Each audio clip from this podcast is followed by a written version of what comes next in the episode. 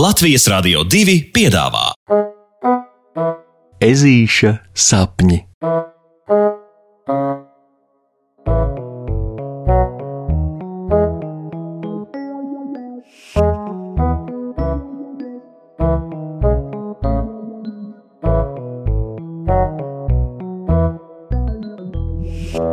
Ezītis un Lāčplēša diena. Šodien Meliņu ieplakas skoliņā viss notiek stipri svinīgi. Visi bērni ir uzpūsušies un sēž klases solos, cik nu rātni vien var. Skolotāja meža cūka Loreta pat ir ieveidojusi sarus un uzkrāsojusi tumši sarkanas lūpas. Viņa stāv klases priekšā un uzsāk stāstu par lāčplēša dienu. Šī diena ir īpaša. Šī ir lāčplēša bum! Skolotāja Loretu pusvārdā pārtrauc pamatīgs būkšķis, jo Lācens Rokijs no šausmām par izdzirdēto vārdu lāčplēsis ir paģībis un nošļucis no krēsla gar zemi. Skolotāja Loreta tik nopūšas, un tā katru gadu visās klasēs, kurās ir lāči. Ar atstrādātu kustību skolotāji paņem lielo grīdas mazgājamo spaini un slaidā vēzienā uzlej spaiņu saturu rokiem tieši kažokā. No augstā ūdens šalts, lācens atgūstas, bet vēl ir mēreni satraukts. Vai, vai te kaut kur ir tas, tas? Viņš prasa. Lāčplēsis! Skolotāja pabeidz roki domu un vēro, kā lācens, bailēs saraujas tik mazā čokuriņā, cik nu var, un piespiežas sava galda kājai. Jā, Rokijs izdveš un aizspiež cieši acis. Neviens klases biedrs nesaprot, kas īsti ar Rokiju ir noticis. Viņš taču parasti ir bravūrīgāks kā vajag, bet tagad Puksītis apaļām acīm paskatās uz boliņu, bet viņš tikai noplāta savas priekšējās kājas. Hm, varbūt Rokijs ir salūzis. Tā, visi tagad apsēžas. Skolotāja Loreta pārtrauc apjukumu un papliķē ar priekškāju lācenam Rokijam pa plecu. Šī diena nav par to lāčplēsi, kurš prata plēst lāčus. Rokijs atver vienu aci un paskatās neticības pilns uz skolotāju Loretu. Par ko tad ir šī diena, kuru sauc?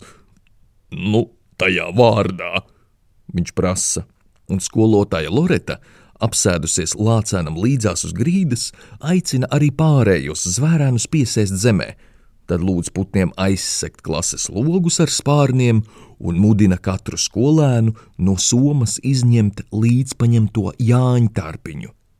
Pēc īsas gatavošanās klasē kļūst pavisam svētsvinīgi.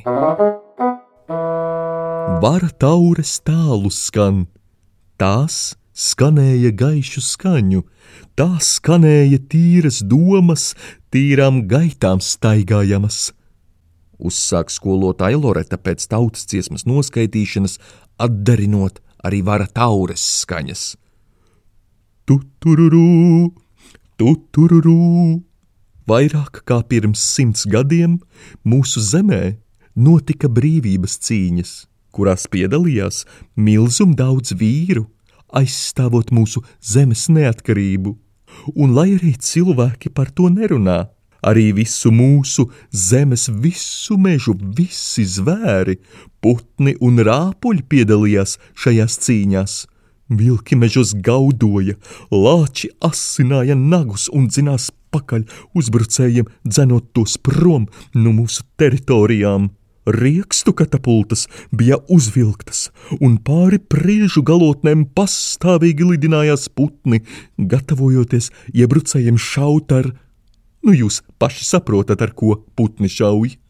Neviens brīvības cīņu laikā nepalika vienaldzīgs un lai arī cīņas prasīja bezgalīgi daudz, tās mums deva vēl vairāk. Tās deva mums brīvību, mīļie. Visi meži guņiem pilni, visi meži atslēgām visam, gribu cauri ieti vaļā vērti atslēdziņi, visam varu cauri ieti ar dieviņa palīdzību.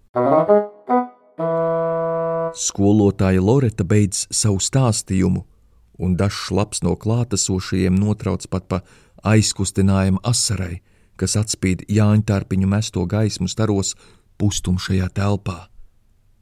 Wow! Lācens Rokijs novelk. Bet, bet skolotāji, kāpēc šo dienu sauc par lāčplēša dienu, ja ar viņu tam nav nekāda sakara?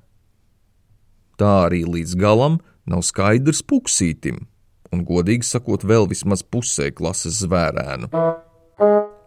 Mīļie, jo tā tiek dēvēts mūsu zemes apbalvojums, Lāčplēša kara ordenis ar devīzi par Latviju. To piešķīra visiem varoņiem, kas palīdzēja lielajās brīvības cīņās. Tāds ir tas stāsts. Visu tālāko stundas laiku zvērēni pavada iegrimuši dziļās pārdomās par visu to, kas ir noticis pirms viņiem senā vēsturē, laikos un notikumos, par kuriem mazuļi neko pat nav nojautuši. Viņi darina paštaisītus ordeņus no dažādām meža veltēm, un pēc stundām nestos salikt pie lielā kritušā ozola. Visu ceļu viņus pavada Jāņtārpiņu gaismas, un tā vien šķiet, kā arī senču dvēseles no aizlaikiem. Vakarā, ieriktējies gultiņā, Puksītis vēl labu laiku domā par uzzināto, un klusiņām pie sevis nočukst. Paldies jums! Pasakas beigas.